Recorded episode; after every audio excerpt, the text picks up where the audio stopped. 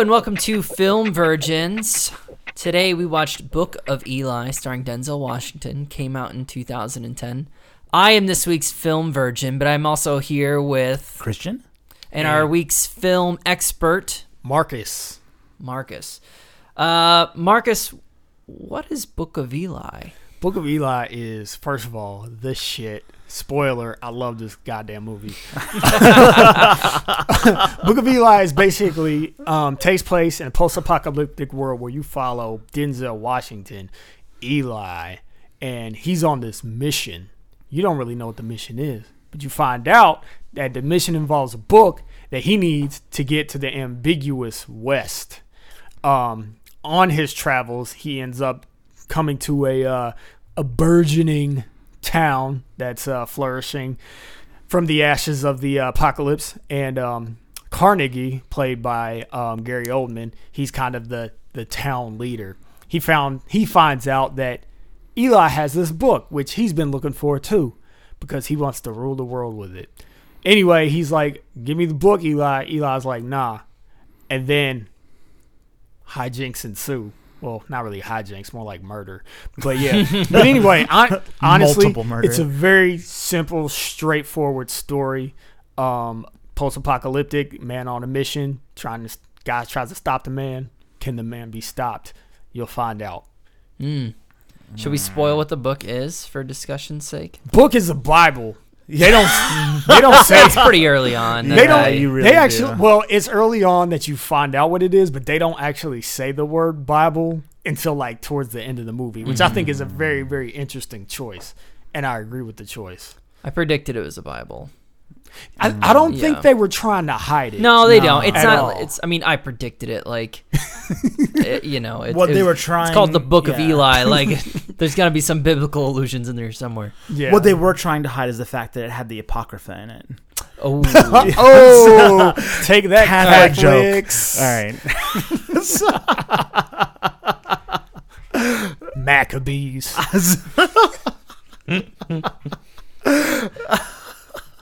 Yeah. I was this week's uh, film virgin. I had never seen this movie. I remember it coming out. Uh, I would have been just getting out of college, and I, you know, it came out and it didn't have. I don't have the box office numbers or anything pulled up, but I don't remember it being like a huge movie. People that I talked to liked it. I think Marcus, you were one of the first people that was ever like on this movie. That was like, dude, Book of Eli is the shit. I I liked it. I did like this movie. It's very um I mean it, it falls into a lot of the post apocalyptic discussion that we had uh, when we talked about Road Warrior, which is I think is why this movie got brought up initially. And I had actually just finished um reading the first Gunslinger book, Stephen King, uh, Dark Tower, first one.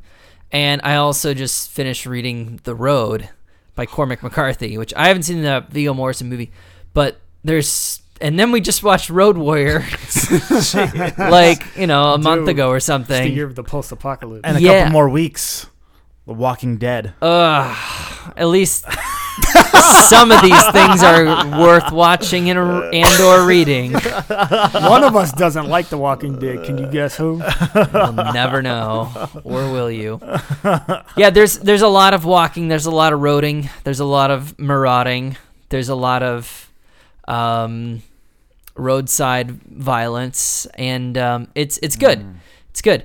I the whole movie is shot with this very exposed look, which goes with the whole the world has ended, supposedly by some form of nuclear apocalypse. I think is basically what we're to infer. What they call the Flash. Mm-hmm. They talk, they say the Flash. Um, Denzel only says it once, and then they talk about the war numerous times. So, and I mean, yeah, they did. They explained it in no uncertain terms that it was the war that happened. To before that point, the movie kind of starts, and you're like, oh, what happened? Well, we know it was an environmental thing, just because like the the earth is completely razed to the ground. So it wasn't until that point where it's like, oh, okay, yeah, yeah, yeah, humans did it. So you're assuming it is. Um, apocalyptic, this is mm. true. Lots of dreads in the movie too. Lots of Yeah, dreadlocks. yeah, gnarly, dirty dreads that look like they've been baking in sand. Yeah, for not not 30 NFL years. black person dreadlocks. These are No. like I didn't. I didn't see Burning any. Man dreadlocks. I didn't see any assless chaps or mohawks, so we know this isn't the It was Road Warrior u- universe. disappointing, Marcus. Uh, Christian, what do you think of Book of Eli, and what's your experience with the movie? so the second time I've seen it, um, Marcus popped my cherry a couple of years ago. Oh my god, and that's going on the internet. Oh, it is. Um, so I enjoyed it the first time I watched it, and I think not having seen it in that time, I forgot what made it such a good movie. And having watched it again, it it, it came flooding back that this really, I mean, it was a solid film, and.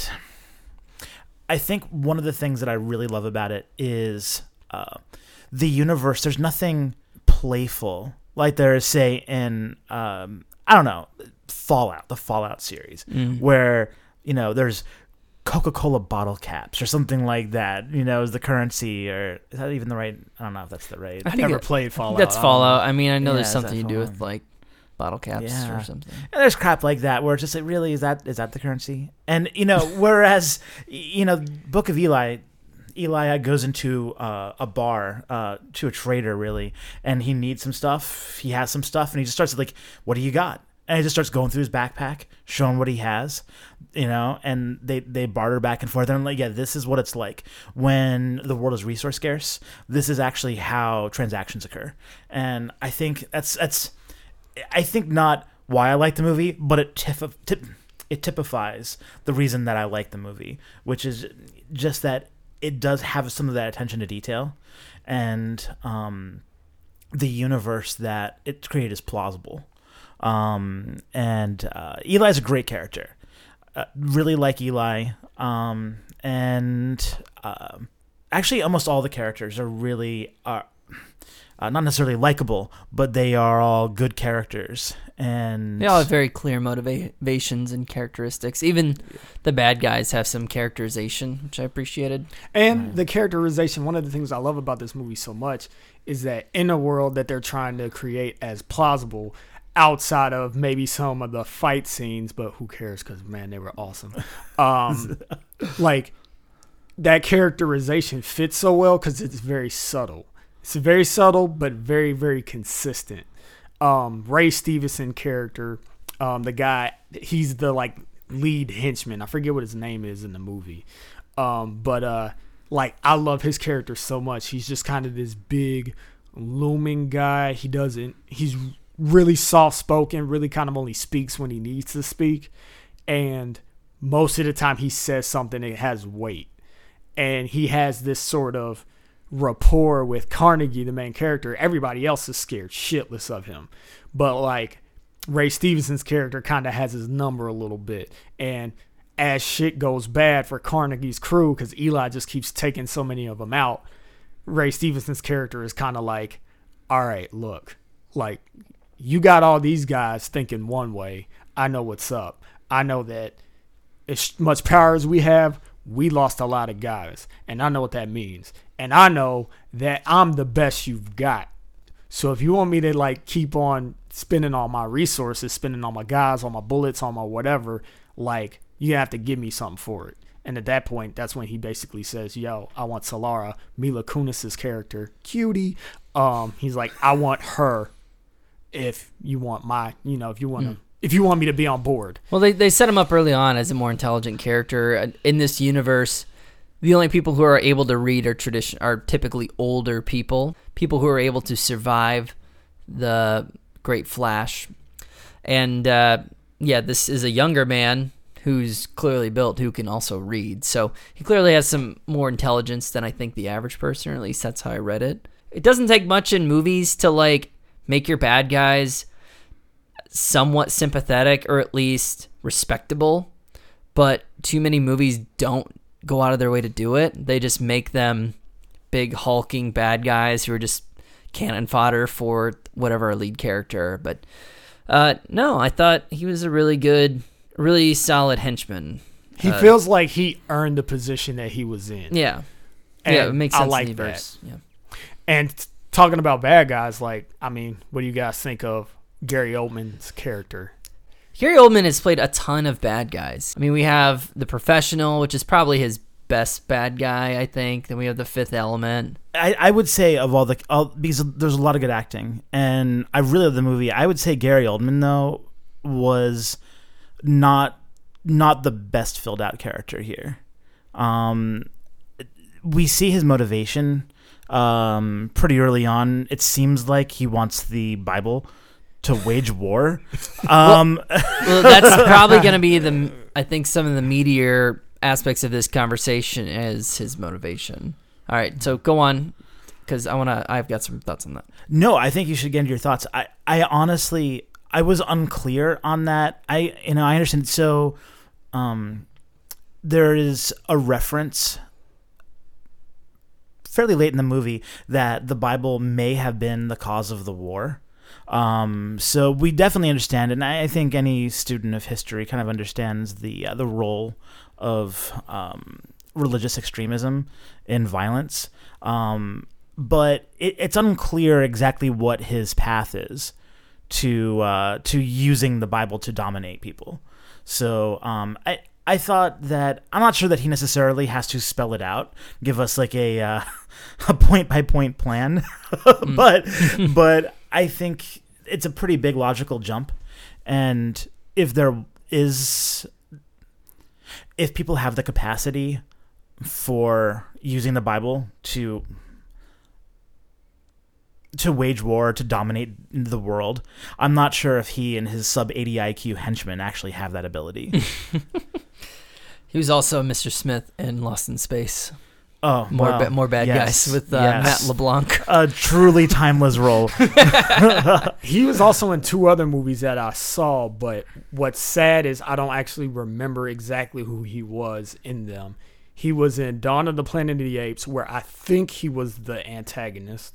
I'm not 100% sure. That came out in Yeah, 2014. he's he's he's not the primary antagonist of that movie, but, but, he's he on the a- antagonist side. Yeah, yeah, he's he's a an extreme group, group of humans. And he was in Lawless, which I now remember. He wasn't necessarily the bad guy, but he was a gangster in that movie. hmm Oh, he's the bad guy in Air Force One. Mm, Uh, so let's go back into Gary Oldman's uh, it's Carnegie, right? Yeah. Carnegie's motivation. So he wants the Bible because I, I didn't take it as a means of control. What I think he looked at it as using it to inspire extremism, to get people to follow his will blindly. And I think he was looking to basically create a theocracy. I think was his was is kind of the the setup of that. Now it is I do agree with you. It's unclear on how you achieve that with the text, but I think this is a at this point primitive and suggestible population. Not so much control them or wage war, but subjugate was my read. Yeah, it's an interesting point because as I was watching the movie, I was thinking about this. Just having seen it so many times and watching it with you guys, I'm kind of, I kind of was more analytical in you know what I was seeing rather than just enjoying it.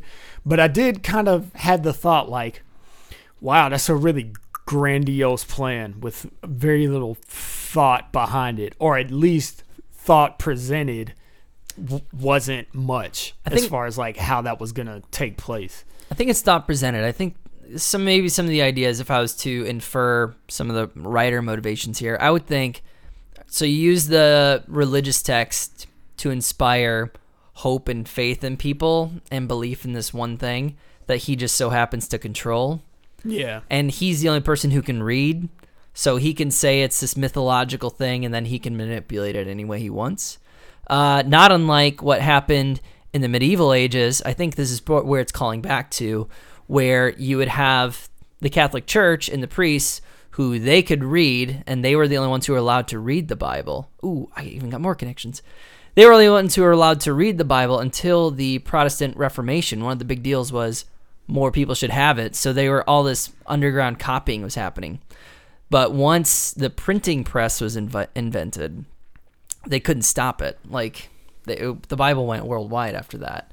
Uh, I, I think there's some centuries in between those two events, but um, same basic idea is that I mean they didn't they thought it was this holy thing, and I think you can definitely draw the conclusion that there was a bit of control of keeping the the peasants in the peasant class, and if they were able to read particularly this powerful influential text, that might allow them to jump some classes, and I don't think the top tier people wanted that, but it's not all the way fleshed out in the film.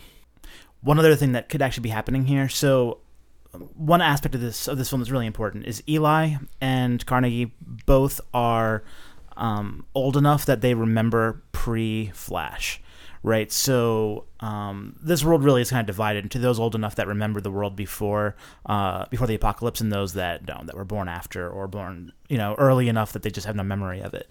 Um, so there is another possibility here that uh, Carnegie actually doesn't really think that he's going to be able to use the Bible in any particular importantly any particularly important way. However, he just wants it for nostalgia. Maybe he just remembers it and it reminds him of a better universe.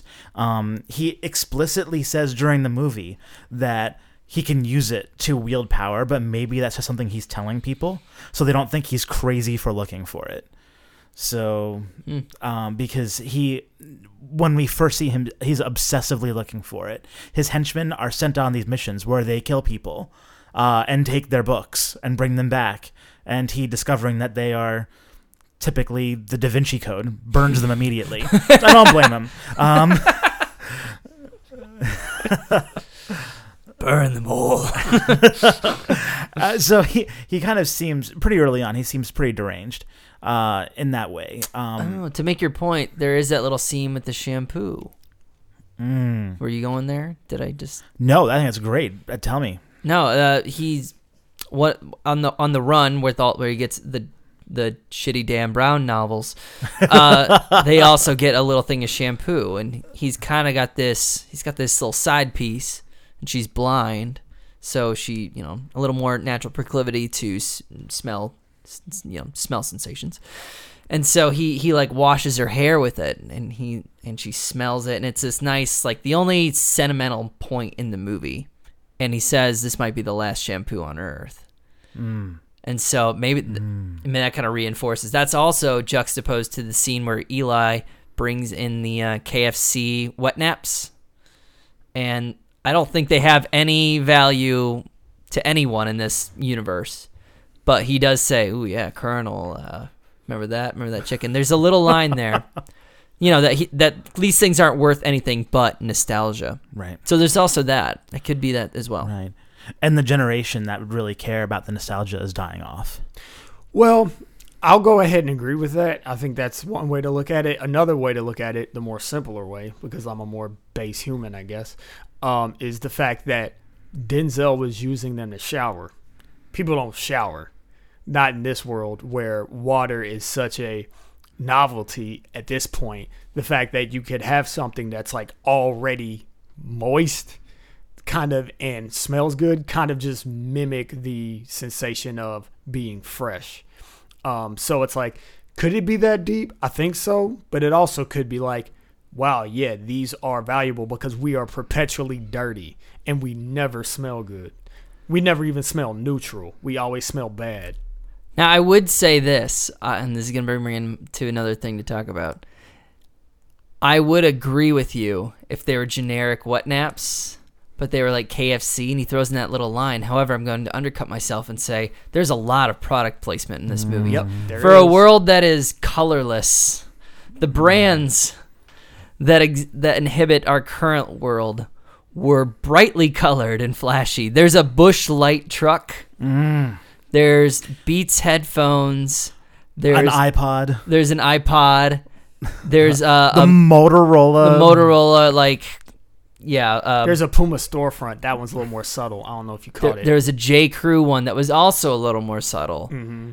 Uh, what else? King James brand Bible. the Torah. that sounds like something that'd be on futurama they'd have uh freaking William Shakespeare's head like promoting King James brand stuff. There were even. I'm pretty sure there were a few more too that I'm forgetting. There, why didn't they have? uh They should have had Pantene Pro V. Mm, They could. have Why did it have to be generic shampoo? Could have been Pantene Pro V. yeah. Everyone's favorite It's favorite true. shampoo. Who knows? Or they needed to get funding for the movie They definitely did. because Um, nobody went and saw it because everybody's retarded. so it had a budget of 80 million, uh, with the box office. So this is um, gross, is 157 million. So it made money, but that doesn't factor in promotional costs. And typically, the rule of thumb is you need to make double your budget to make a profit in Hollywood. So it might have lost some money, but not. I mean, it almost made its profit back. I don't know how much they put into it. Um, so well, hopefully they got some of that uh, Beats money, some of that Busch Light money.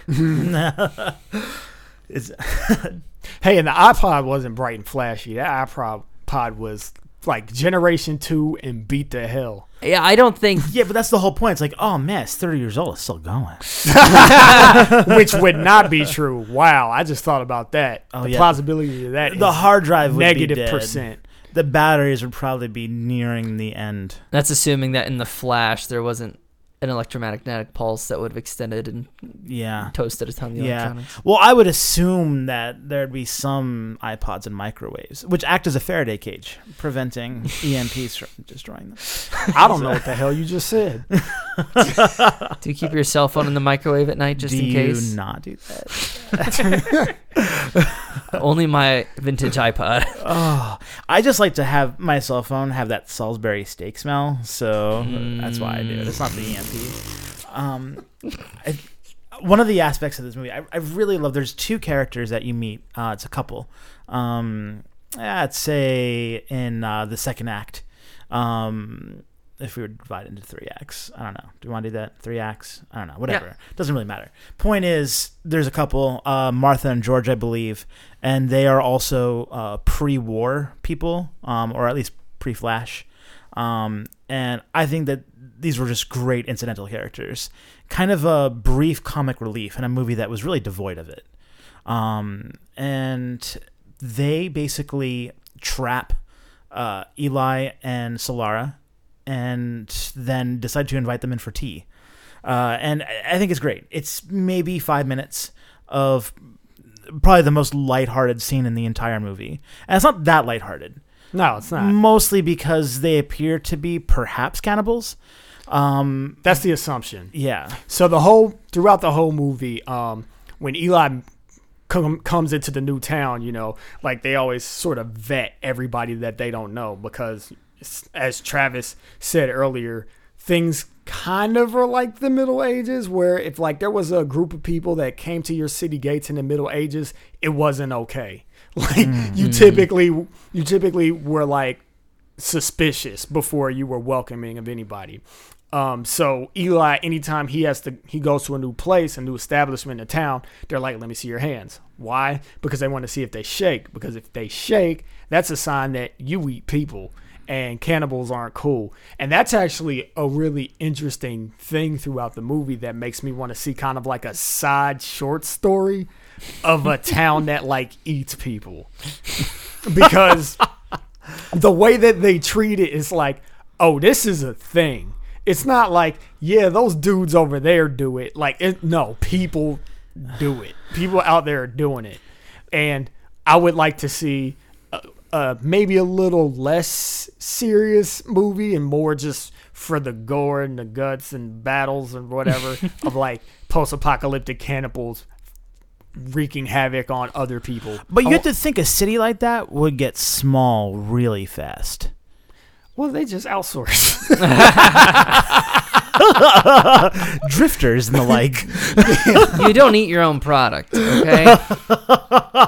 It's like the Rule number uh, it's like Walking Dead. It's like um Terminus. yeah, but that's the thing though is increasingly. Dude, I could be referencing the, the comic book right now. You can't automatically get mad at me. yeah, but I, I, I don't. re- That was like one issue, and then I don't. Anyways. He's like, I know that you're not referencing, but the I know you're comic." not because I know you haven't read it. yeah. hey, I read the first two, I one and a half, There's two volumes. one and a half volume, I think actually. Anyway, I'm not gonna make this about The Walking Dead, no matter how you, how you try. it's for another day. I'll say one other thing about this because you guys mentioned the action scenes. Um, action scenes are awesome. That being said, they are absurdly fast. They- They're monstrously fast. Within, I'd say, the best action scenes are over within less than a minute.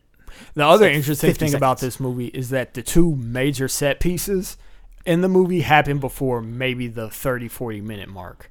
Mm. And then it's Mm-hmm. a lot of just plot development after that, which is very interesting. Which is part of the reason why this movie stands out in my head so much because the first thing you want to think when you see E, when you hear somebody talk about Eli, is like post-apocalyptic. Oh, he has a machete, action, and it's like the movie's not even that much action. But the set pieces, in my opinion, are so good that they just stand out and make you when you when I think about the movie, I think about those things. As well as thinking about all the characters in the movie, as well as the visualization of the movie, because I love how it looked. I want to talk to you about that later, Travis. Um, and just like the trauma, the drama of it, and the the the feels afterwards. Because this movie isn't the road, even though it's kind of brutal and harsh. There's still like a a, a happy theme, or a, I guess I'll say a wholesome or fulfilling, meaningful theme of this movie, where Road just is kind of like, oh, this is how it would actually be. I'm just sad. Yeah, Yeah. this this movie No. doesn't have some of the the realism of the road. Uh, I mean, like This, I mean, Yeah. you can't even compare. The- it. I, I d- mean, Book of Eli There's is some to the road what the Cat in the Hat is to like Ecclesiastes. I don't know. I think the Cat in the Hat and Ecclesiastes might differ a little more, considering they're not even in the same genre. At least the Road and Book of Eli are in the same genre. there's yeah, there's some overlap. but- Masterpieces written by very wise men. Uh, Dr. Seuss really is a modern day Solomon. I want that on a T-shirt. I mean, it's actually on his tombstone, Yeah. Actually, I derailed Wait, this. Solomon's tombstone or Dr. Seuss's tombstone? the Seuss. so I derailed this a little bit. You were originally making a point about the uh, ostensibly cannibal older couple, George and yeah. Martha. Yes. So I wanted to go back to that so you could finish your thought because I think I interrupted you. You know what? I, I was pretty much done. I just love them. I think it's a Yeah, they're great, great. scene. They're I great. love that whole that whole scene top to bottom. Fantastic. Um, I love the way it concludes. I kind of don't want to give it away, but um, you know, it just I love I love the tea. I love I love the sandwich meat. I love I, mean, I love the record that they're playing with uh, an old fashioned wind up turntable um, with a and, purely mechanical amplification system. Um, and you think the music's yeah. going to be like, yes. but instead you get, you can ring my bell. Yeah. Yeah, th- th- th- these guys were presumably hippies, and they, you know, in their form- formative years. You know, they, you know, they, they were born in like 1970 or 1960, and they grew up with that stuff. Um, and I love it. I think it's great. It's one of my favorite scenes in the entire movie. Let's try and work out a timeline for when this movie is taking place. So the movie came out what year, Travis? 2010. So they say 2040. So that means that if you were born in 1970, then you'd be probably a 70 year old person. They say 2040. They say 2040. I don't remember them saying 2040 anywhere. no. I'm saying You're inferring that I'm- it's I'm inferring 30, that, like- 30 years past 2010. Yeah, 2010. but like typically with an apocalypse like this, um, you know, we don't see any cars, we don't see any technology that post dates 2010. And typically, when you make something like a post apocalypse, you just work in the assumption that the apocalypse happened right around now. and so, so you say, and uh, there's a couple of references to 30 years. Um, I don't know if that's if that's right, but we'll say 2010 plus 30, 2040, and say if those those guys looked just about right for 70 if they were born in 1970 which uh, I, I can't remember what song it was probably came out around or slightly before then um, the songs ring my bell. I Yeah. forget who. I forget the um who did it, but yeah. Um. Anyway, so 1979 by Anita Ward. Perfect. There you So they would have been they would have been you know just entering kind of middle school era. let, let me posit this. Um, one of the things I love about this movie so much is its attention to detail that they don't actually address. There's a lot of stuff in the movie that's done very intentionally, but they never call any attention to it. You see it more and more as you watch the movie. One of the things that you see in this movie is when uh, Eli first is spending the night in Carnegie's establishment, you know, while he like purportedly is going to think over his offer. On the wall, there's a poster. On the top of the poster, it says the year is 2024. Now, Oh, that could just be a poster like saying like, "Hey, here's a movie coming out. The year is 2024 and blah blah blah." Or that poster could actually be addressing something that happened in the year 2024. So if you want to go with that, then the year would at least be uh 2055 if I'm doing my math right cuz they said the flash happened 31 years prior to the events of the movie. Got it. So that's that's where I'm hedging my bets like it's at least after 2055. got it. Okay, okay. So do you guys recall? Did we see any technology or any indications of anything that happened post? We'll call it release day for this movie. No, I think I wouldn't have no I wouldn't have recognized anything Yeah. um particular that I would have been like, yeah, that specifically is whatever. I mean, I looked in the skyline for San Francisco. I didn't see the Salesforce Tower. that was the first thing to go. They completely demolished that. Yeah, know. Uh, yeah. Right before they got rid of the Bible, they're like, let's get rid of any reference to Salesforce. but but speaking speaking of timeline, the interesting thing is, I, when I'm watching this movie, I like to pretend that I'm Eli's age, um, and the reason why I like to do that is because I like to th- think that a that's feasible. Like I feel like I could be in the age range with him, like whatever time in the future, however old he is in that movie, I can imagine being that old during that time. I'm trying to imagine would I be listening to the music that he was listening to? Because he was listening to was he listening to Marvin Gaye? It, it sounded Motown. yeah, Marvin Gaye. yeah, it was definitely that era. So I'm like, okay, regardless, this dude is listening to music that was technically before his time. Doesn't mean he wasn't familiar with it, but it was before his time. He also references Johnny Cash uh, later on in the movie too, which is interesting because I'm like, you know, I I'm old enough to be familiar with Johnny Cash. I don't follow him, but I imagine if I was a dude that like was just into that sort of thing, I would have been able to make the reference too. So it's like he can't be much older than us at this time, I don't think. And this time being 2010. Devil's advocate, there, we, he might not have had a lot of choice on what was on the iPod. Fair. And there's been, I think, two or three references to the fact that iTunes may have shut down. Uh, The battery was out.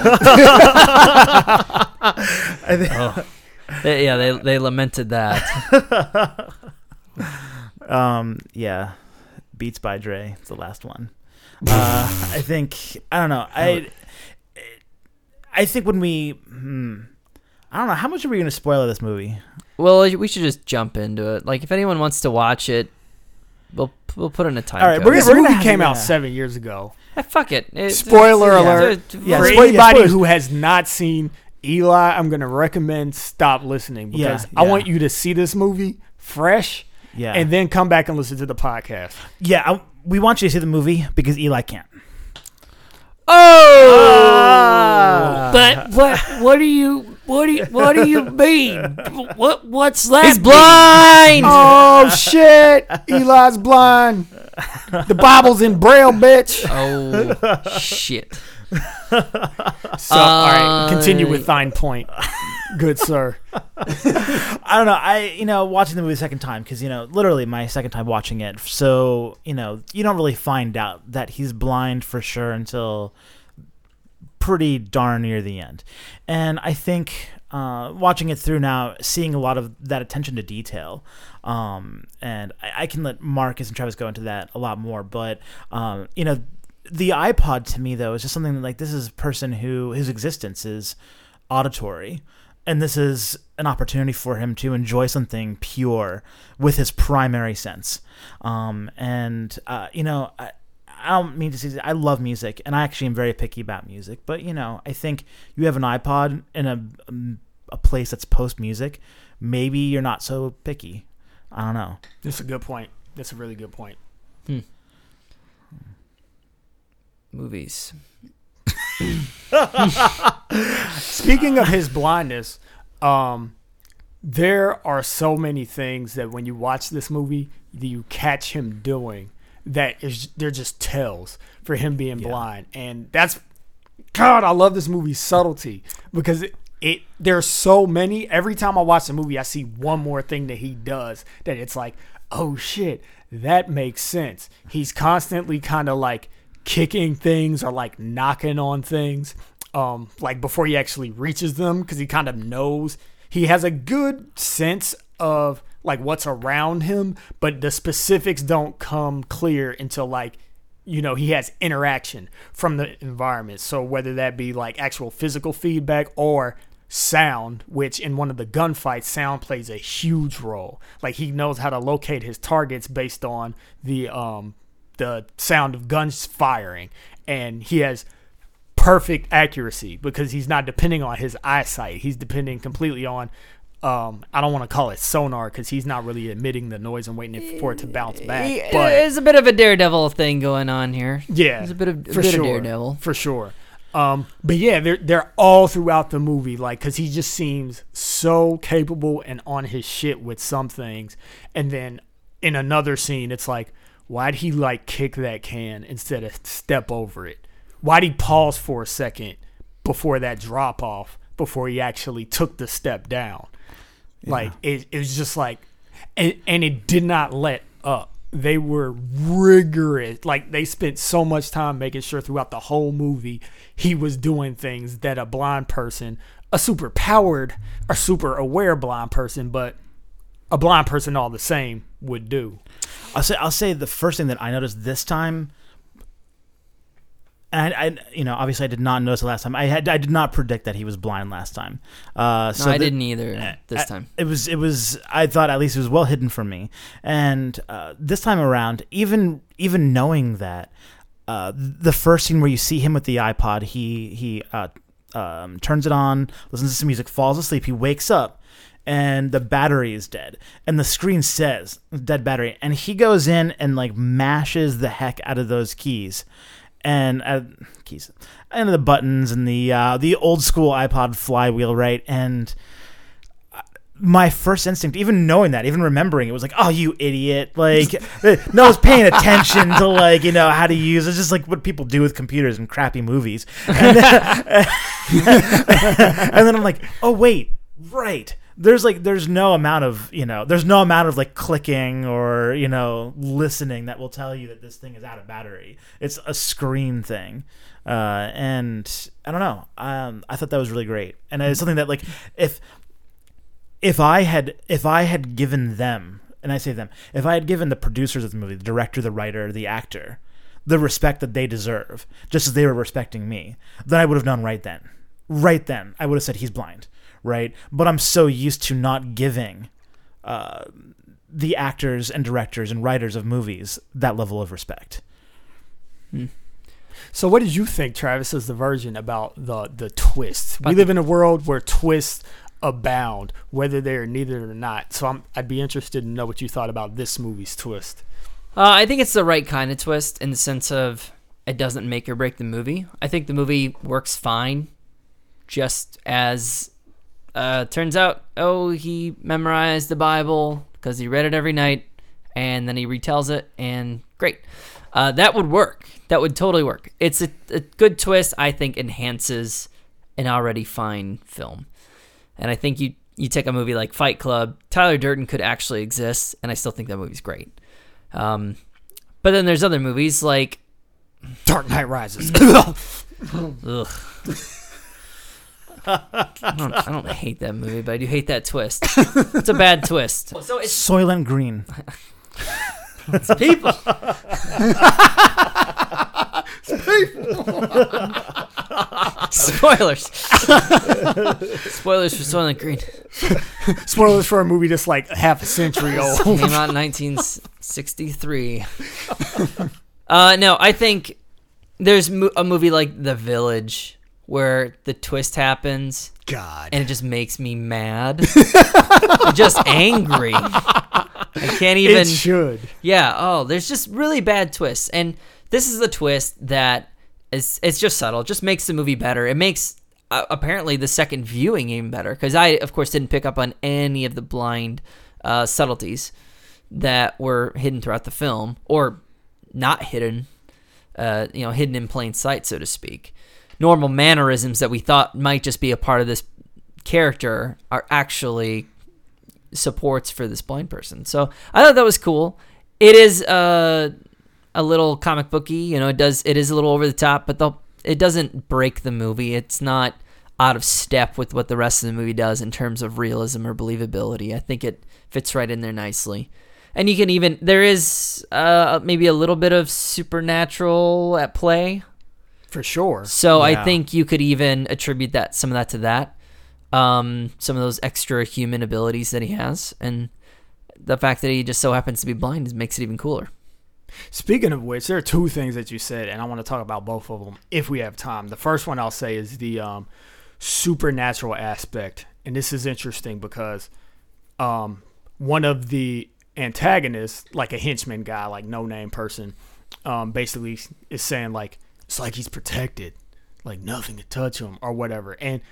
It, to me, that seemed very Western. It was like a line that I wish wasn't in the movie, but part of me likes that it's in the movie just because it's like ah it fits the scenery it fits it fits like the greater idea of movies that are like post-apocalyptic or western where it's like a guy from a small town who's mysterious blah blah blah but anyway what's interesting about it is his whole mission is basically to get the bible the gospel word of god whatever you want to call it to the west to and where we find out that they're making a printing press so where they can disseminate this knowledge.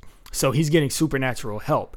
However interestingly enough when the book is completed it's it's printed it's bound looking nice and sharp and neat. They put it in alongside another stack of books or amongst a stack of books and you see the torah the Tanakh, the quran um, some other ones that i can't remember what they are and it's kind of like I think it's interesting that our character is getting a mission from God, yet there's this sort of poly uh poly deity Poly, thing. polytheistic. Yeah, sort of thing.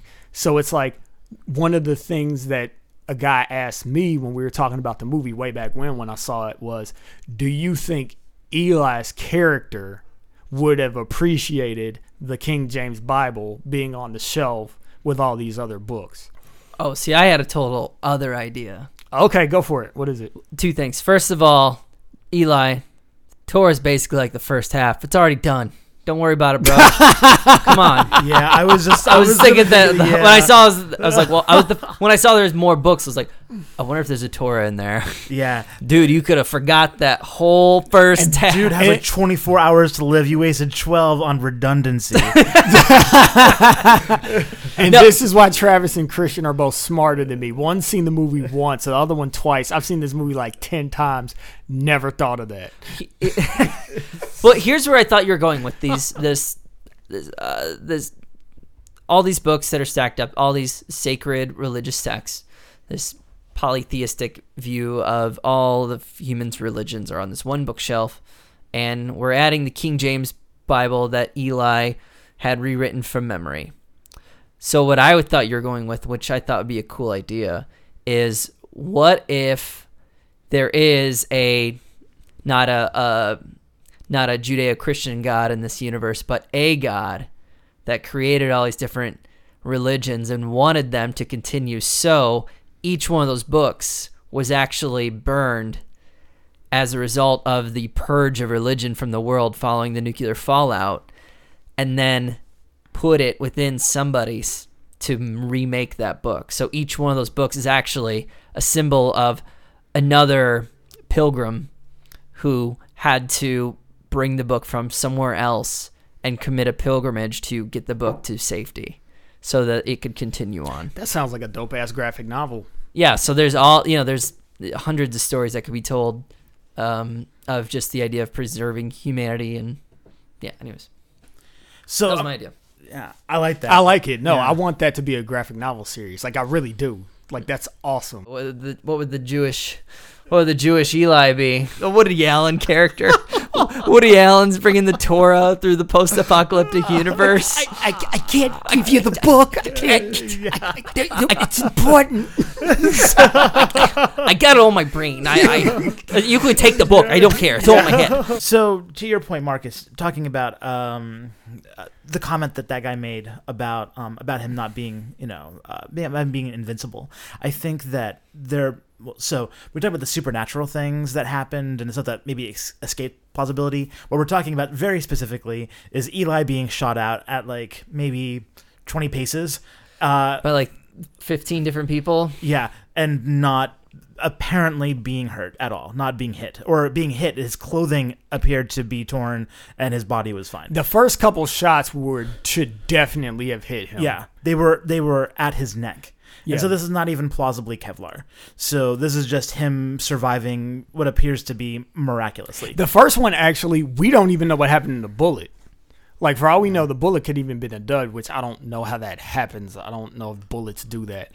Um, I know artillery can. If it fires, it fire. I mean, yeah, yeah, yeah. Which so the gun fires because you you hear the shot, and it's just kind of like nothing happens. It's not like oh it missed or like something blocked it. It's just gunshot goes off. Eli still standing. Nobody knows what happened.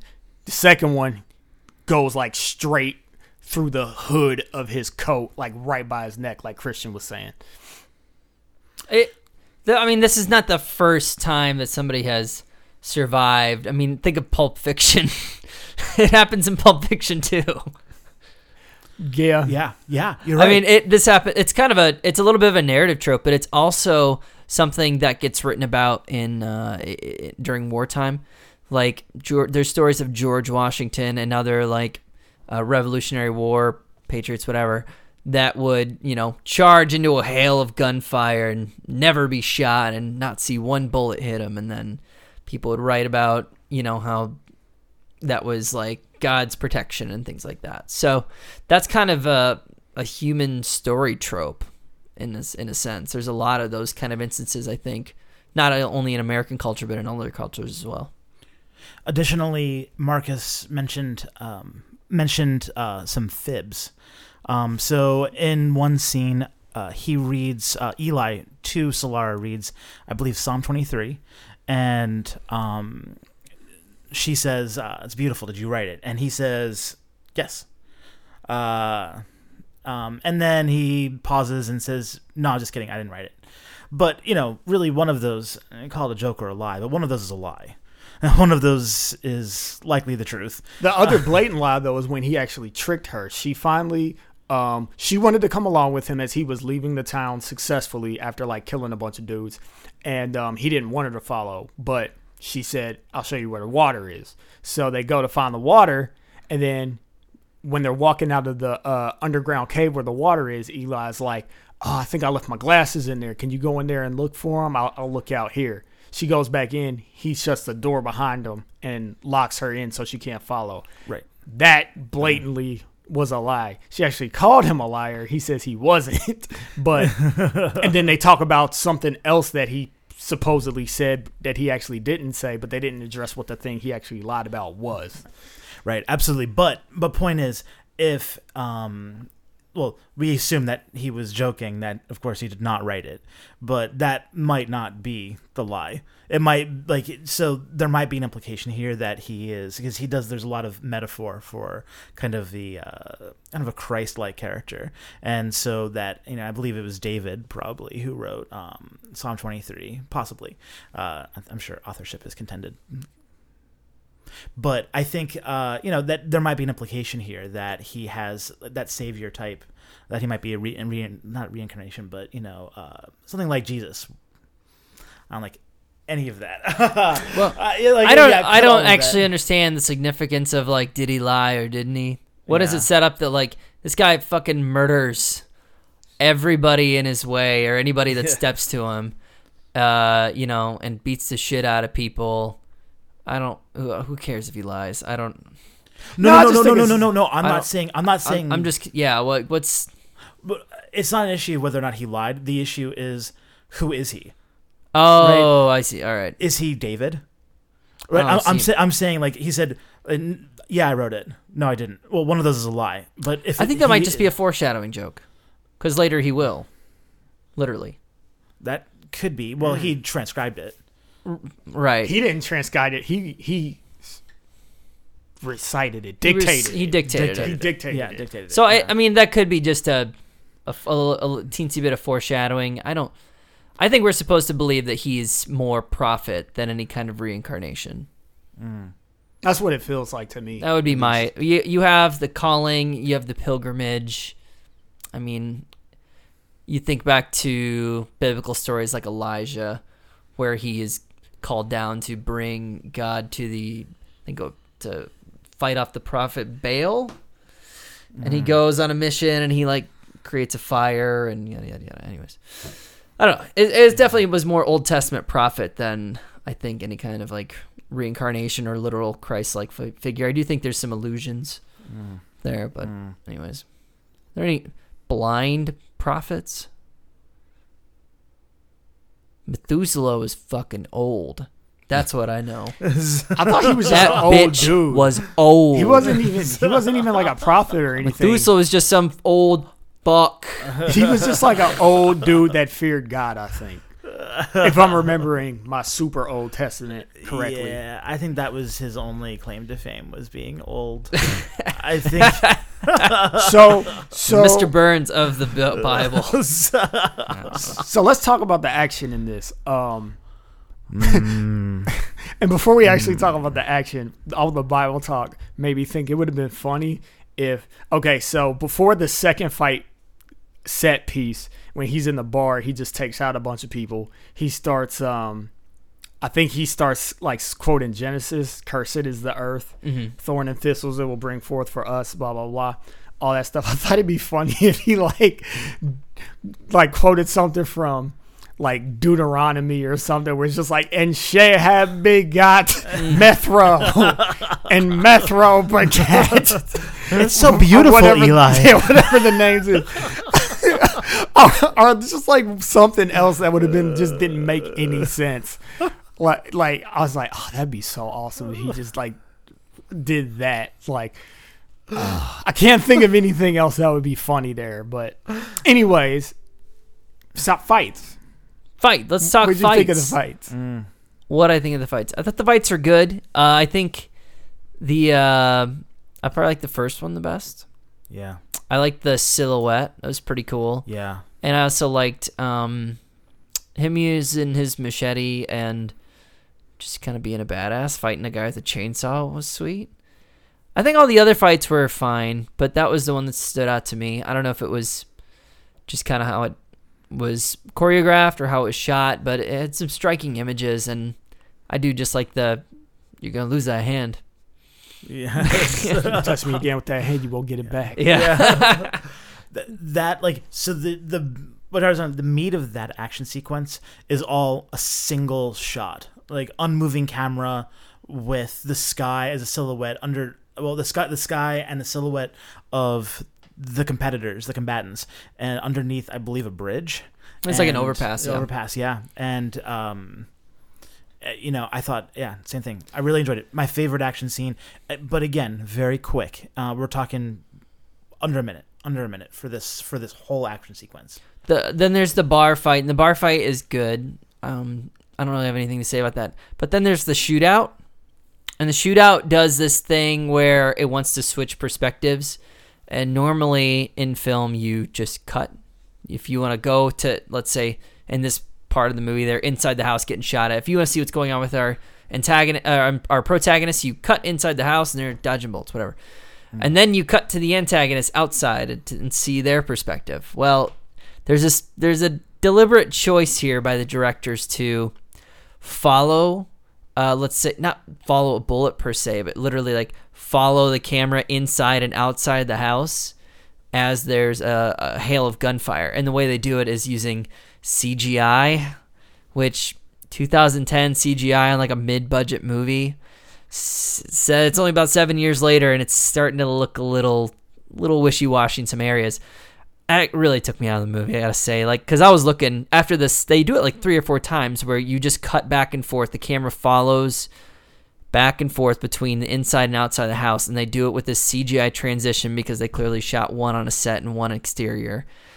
Um, and it just didn't look very good. And I was sitting there waiting to see when the actual camera footage would fade back in versus the recreated CGI stuff. Uh, that took me out of the movie. So I didn't like really like that shootout for that reason. Um, and are there any other fights? Well, car there's, chase- the, car- there's the the first shootout right after the second melee scene. And that one was good. That was good. Classic old western, you know. One of my favorite things about this movie is that it's an original screenplay. It is. And you watch this movie and you swear to God this is a graphic novel. Mm. Like this isn't a an adaptation from something. I swear it, it was too. I looked it up. I was like, isn't this based on something? Nope. Original screenplay. I forget the guy who wrote it. I forget his name, which I should remember his name because His name like, is I Gary was- Whitta. Yeah, and then directed by the Hughes brothers, who also did Dead Presidents, and they did another thing I can't remember. Um, but yeah, like it's I'm always just so impressed when you have a movie that has such vision behind it, and you can imagine it being a book, you can imagine it being a graphic novel, you can imagine it being like an anime or like a adult cartoon or whatever, and it's not. They just said, "Hey, we're gonna make some fantastical idea." Like we're gonna make a property that like nerds can really grab onto if they want to, but it's not based in any of that. So you don't kind of you kind of feel like with this movie, you actually get the whole experience. There's nothing mm. else to kind of, you know, grab onto, which, you know, that's great. You know, I love I love the fact that Hunger Games was books because I watched the first movie, found out it was a trilogy. I was like, I got to read these books. I love the movie. Like, you know, Star Wars. If I wanted to, I could just dive into that super hardcore. Game of Thrones got into the books. I'm glad it's a show. The show was awesome, but there's so much of that now to just have one thing and it'd be like this is the story. This thing right here. And that's it. It just it makes me so freaking happy. And the reason that i mention that is um since this looks so much like it could have been a graphic novel i like that it felt more real. I like i'm gonna say it again all of the subtlety in the movie that makes you take the movie seriously. Even though there are many parts where you probably shouldn't take the movie seriously. And like christian was saying before even with the comic relief part, it wasn't this like whole wacky thing where you're like gut busting laughing. It's just kind of like it's a little breath of fresh air because this movie's it's it's it's fits and starts and then dry spells. And I don't mean dry spells as in it's boring. It just moves along and you just meet characters. You just develop story. It's very straightforward. So you're just kind of along for this like meandering ride. Um, so when you get to the comic relief part, it's just kind of like, ah, okay, this is a tiny bit of a change of pace, but it feels like the same movie. Yeah. It's so great. Yeah, you can't. This this movie does feel it. It doesn't have that cheesy Con Air actiony where we're gonna stick in Carrot Top and then we're gonna have some comic relief. I wish Carrot Top was in Con Air. I bet. I hope he wasn't. It. They they just cut him out, and he, I hope he's in the bonus DVD Blu-ray footage. Oh my Yeah. god, that'd be amazing. wish. I, I just say you can't do anything. You can't do anything heavy-handed with the humor. It has to be subtle. It has to be within the style and the ethos of the film. And George and Martha were is awesome. But Yeah. yeah. you can't you can't do any you know kerplunk sounds. You know, Dun, dun, dun, dun, you know. No bass slides. Uh, the ru- Can I say one one last thing about the One fight last scenes? sound effect. I don't even know. Um, so yeah, I wanted to talk about the fight scenes a little bit too.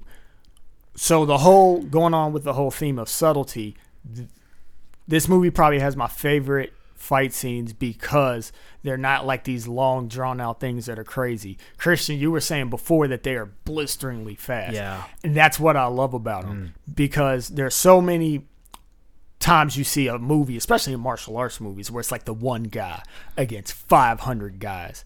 And, you know, it's fun to watch because the one guy is just amazing. And he can do things that like you know if you're watching Donnie Yen beat up 50 people, it's gonna be awesome because it's Donnie Yen, and the dude just moves like people can't. Right. Like like human beings aren't supposed to move like he can.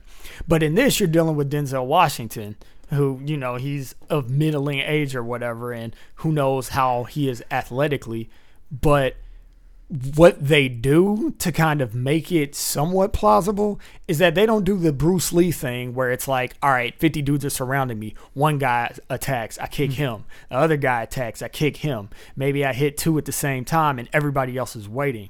This movie doesn't do that. This movie does like freaking how you're trained to deal with crowds in Krav Maga. People don't take turns. They come at you. So you have to dispatch them quickly and you have to dispatch more than one at a time. And if you watch the fight scenes, you actually see how they're choreographed to exploit this fact where like when he slices a person, that person is done. Because when you slice a person's neck in real life, they're done. They're down and out and his economy of motion is just so great too. He's letting everybody come at him and he's constantly just turning, dealing with the attacks as they come. And since he's Eli and he's blind and he's Daredevil, basically, you know, he parries things that happen in behind his head. And these are things that you don't even see unless you go back and analyze them. And I've seen the fight scenes a while now, so I kind of know what the beats are of them. And it's like if you blink, you miss them. And damn, the first fight scene, just the silhouette against the guys, like it's the coolest thing in the world. Like I just fell in love with this movie as soon as I saw that. It says that I, I read that uh, Denzel trained for several months. Like he did a lot of Nice. this stuff himself. He so worked he with, is athletic. I think he's. He's movie athletic. Yeah, yeah. Hollywood athletic. yeah. Let me throw this out there. Let me throw this out there. This isn't a dig on Denzel because I like Denzel. Black Tom Cruise. I mean, I like Tom Cruise as an actor. I don't think a lot that of people Denzel don't. I do. runs as much. He doesn't. he definitely doesn't run as much. no, but definitely but you doesn't get what run I'm as much. saying. Like, look at the type of mm-hmm. movies they do. Look how they're used. They're always the leading man. They're usually playing a version of themselves, or at least their like movie self. Other there's a few rare exceptions to that in both their careers, but I think they're both kind of Hollywood actor men, right? I won't.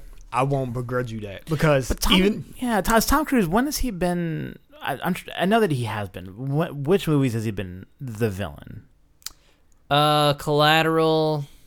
Ooh, good God one. Damn, yeah. Good call. You like forget he's the bad guy in that movie. Ah. I mean, Denzel's not the bad guy too often either. well, Training Day. Sure. I So we can go. Tit, Well, we can go tit for tat then. I'm I just mean, saying. Yeah, it's true. But I'm saying Training Day.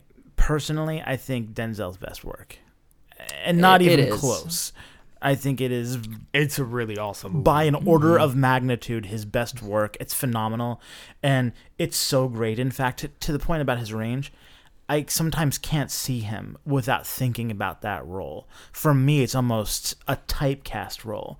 Uh, when I watch even Book of Eli, sometimes I see him. I see him moving, talking, whatever, and it strikes me as evil somehow because I see that character in him. Uh, But this is that's what's so crazy about this dude. Eli and what was his name in Training Day? I can't remember.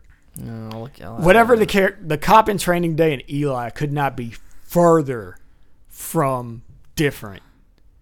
But they're acted by the same dude. I know. and in a lot of the same fashion. Like Right, that's how right. good this dude is. That somehow his acting style can he can kind of morph Yeah. it and make it just work in whatever he needs to be. I think It's you're insane. right. I think It's you're right. No, yeah. So so he, he doesn't act differently from role to role really, but his style is convincing for a variety Yeah. of roles. Mhm. Yes. Like I don't want to get into the nitty gritty of what you're saying because I think the overall point is the fact that here are two legit actors that actually don't jump all over the place. Like these people are the exact opposite of Tom Hardy. Tom Har- Hardy is literally a different human being in every movie. It's like what? Like how are you this how are you Bronson and then you're the dude in Warrior and then you're freaking um I forget what dude's name was. Crease whatever his name was in Inception. It's just he, he like that dude is actually a true chameleon. The- like Tom Cruise and Denzel are both similar in the fact that like when you watch a Tom Cruise movie, you're gonna see Tom Cruise, Mm-hmm. just like you're gonna see Denzel in the Denzel movie. I think That's where I'm going. That's I- what yeah, I'm trying to say. and that's that's that's why I'll take it. It's fine. And I think that's representative of an era of movies that's dying. We don't go to the movies to see an actor anymore. We go to see ensemble cast. We go to see or a franchise. We go to see a, a a comic, you know, whatever. Fr- oh, Star Wars. We go to see Marvel, DC, or Fast and the Furious. Like we go for the franchise now. That's what gets people out of their comfort zone and in, into a movie seat. And into another comfort zone yeah, s- so these guys with their comfortable movie. Nobody wants to go watch Dunkirk. Actually, Dunkirk made a lot of money, didn't it? I think it did all right. I, Oh, okay. I think Christopher Nolan gets people. He gets people moving in true. the seats. Yeah. That's true. Well, I just noticed this Yeah. weekend, like Blade Runner came out, and I was like, yeah, I kind of want to see that. But how much? I really, I really want to see it. I just need to watch the first one again. 'cause I haven't seen it in once. so long. I don't remember which version I watched. I believe strongly. It's one of my truest, most essential beliefs in movies and film that an actor and actress are as good as their best work, not their worst. Take the best actor in the world and look at what they've done, and the, uh, the best ones have done dog shit. The absolute best ones, and not even a little bit, but a, a large proportion of dog shit. Just so much of it. Well, because yeah, acting is a tough gig to Yeah. try to break Yeah. into. So Be- you're gonna do some bullshit. because an actor and an actress they, they don't have the power to make a film good. That is not they have the power to screw it up. That's for darn sure. But they do not have the power to make a film good right? It's just they don't have they're, not the writer they're not the director. The scope of their influence is too small. Unless literally it's just a camera on them and they're talking for two hours. That's the only way that they could actually single-handedly make it good. As long as there's sets and score and dialogue, it, you know, it doesn't. Can they make it great though? No, no, they can make it. They can ensure that it's not bad. That's what they can do is ensure that's not bad, and they can give a great performance. But there are movies that are great that have no standout performance, right? That there was no one person to point at. Um, you know, movies by virtue of their so wait to your to your point maybe they can make it great but they don't have to make it great in order for the movie to be great maybe that's a better way to say it Right. so there are movies that were great because of one actor's part i would say whiplash is an example of this j.k simmons single-handedly took that movie from good to great right The cliche I'm gonna say is Dark Knight. mm. that is cliche but you're probably right um, That movie is not the same without Heath Ledger's performance in it. Although, Agreed. although there were two performances that were pretty great too, because I think Two Face did a pretty great job. Um, Are you being sarcastic or serious? I can't tell. I can't tell because people do shit on Aaron Eckhart. People do. I think he did a good job. I thought he, I, thought Aaron Love's Eckhart was great. Yeah, I liked. I liked. no sarcasm. yeah, yeah. I liked everybody I think- in it. And I thought he did a great. I don't job. really, I don't love Man- Maggie Gyllenhaal, but she's fine. She's fine. yeah, and it, everyone else is. And she burns Great. to death though, right?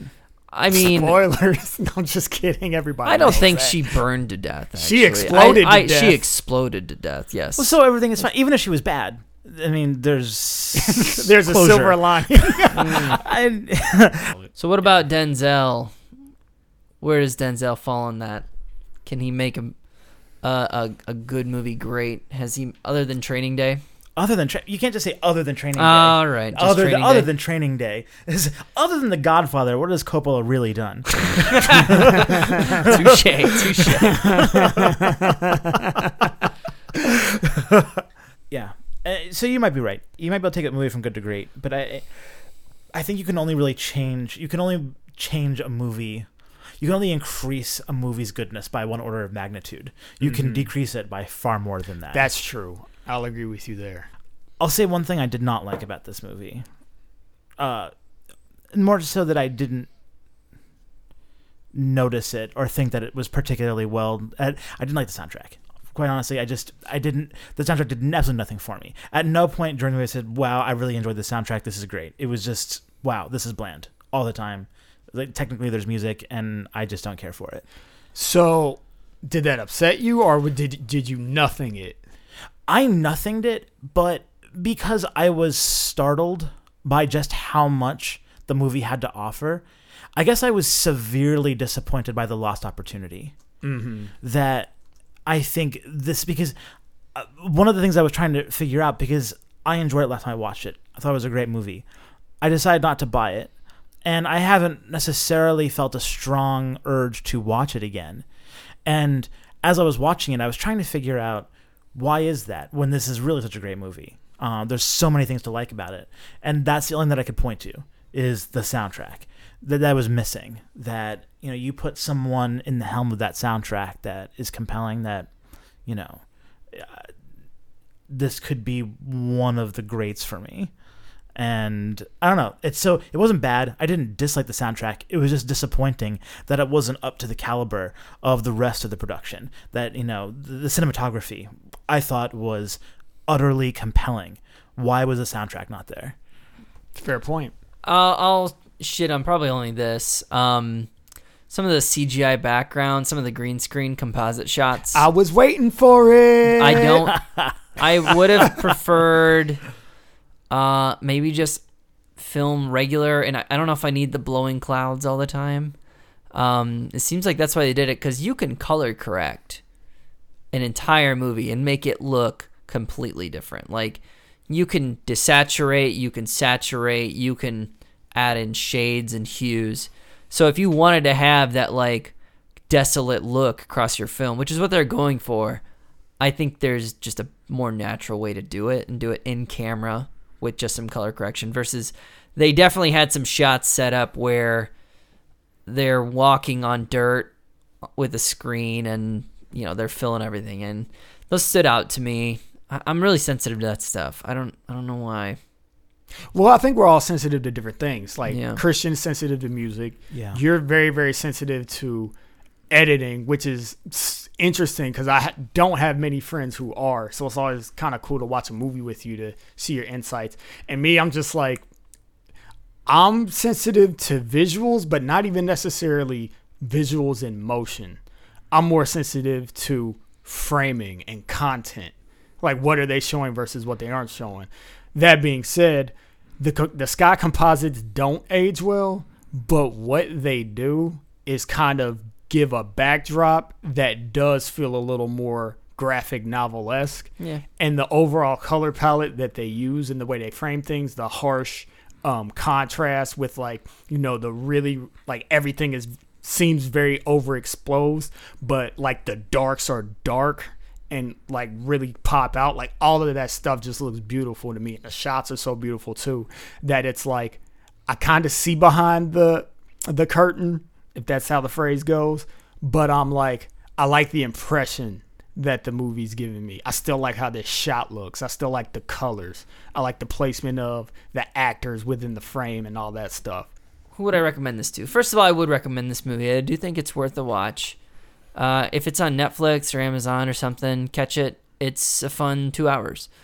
Denzel's great. It does create a convincing world. It does mesh a lot of genres, a little bit of western, a little bit of post-apocalyptic, um, maybe even like a teeny bit Indiana Jones. I don't know, a little bit. Just with Tiny the, bit. some of the religious symbolism, kind of got me thinking that. But overall, it's just a, a solid movie. You can, and it's not too violent to where um, people are gonna be grossed out. I mean, it's definitely for adult audiences or later teenagers, but you could still watch this with the girlfriend and have a good time. Actually, my, my girlfriend likes this a lot. She said it has a good twist, and I didn't, still didn't pick up on it. So that's the other thing. It has a good twist in it, and um, it's set up well. All the characters have solid motivations. There's not a really much bad I can say. I've brought up some of my misgivings about the CGI choices, but I mean those are petty.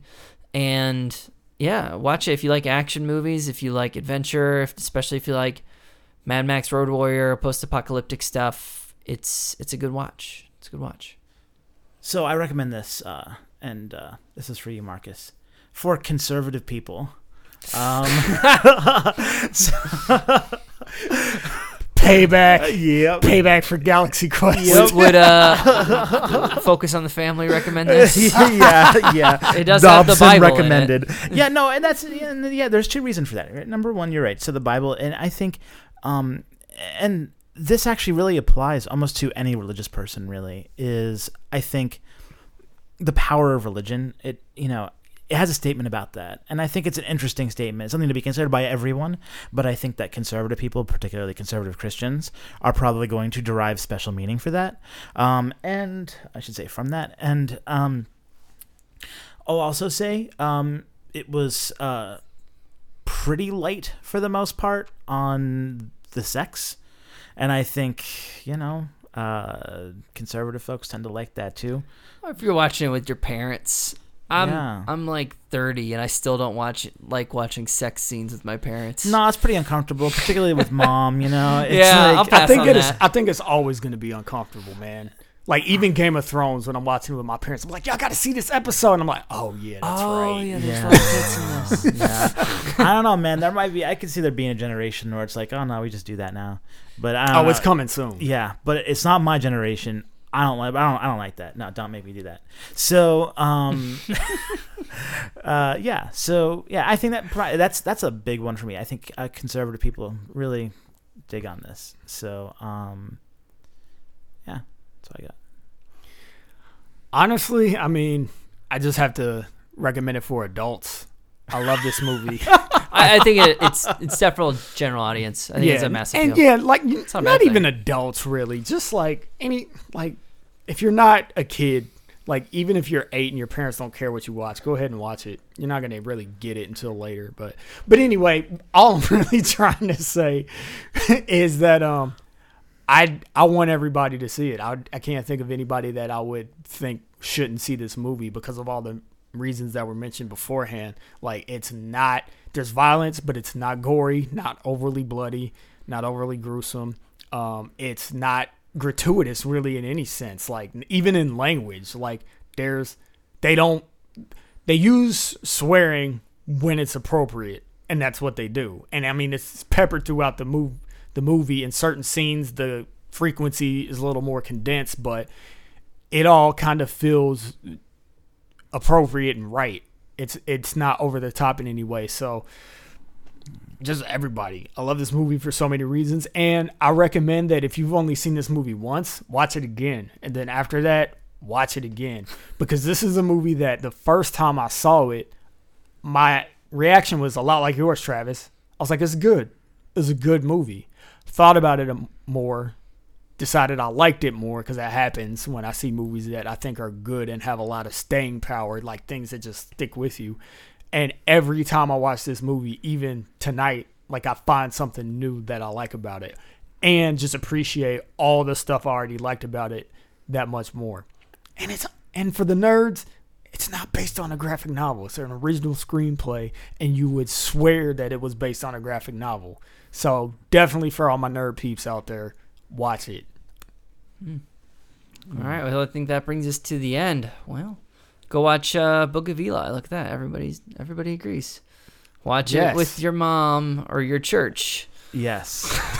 or with Don't an eight-year-old. it's for everybody. All right, I have been Travis. I've been Christian. I've been Marcus. All right, come back next time. Thanks for listening. Subscribe and look for our next episode next week. Yeah.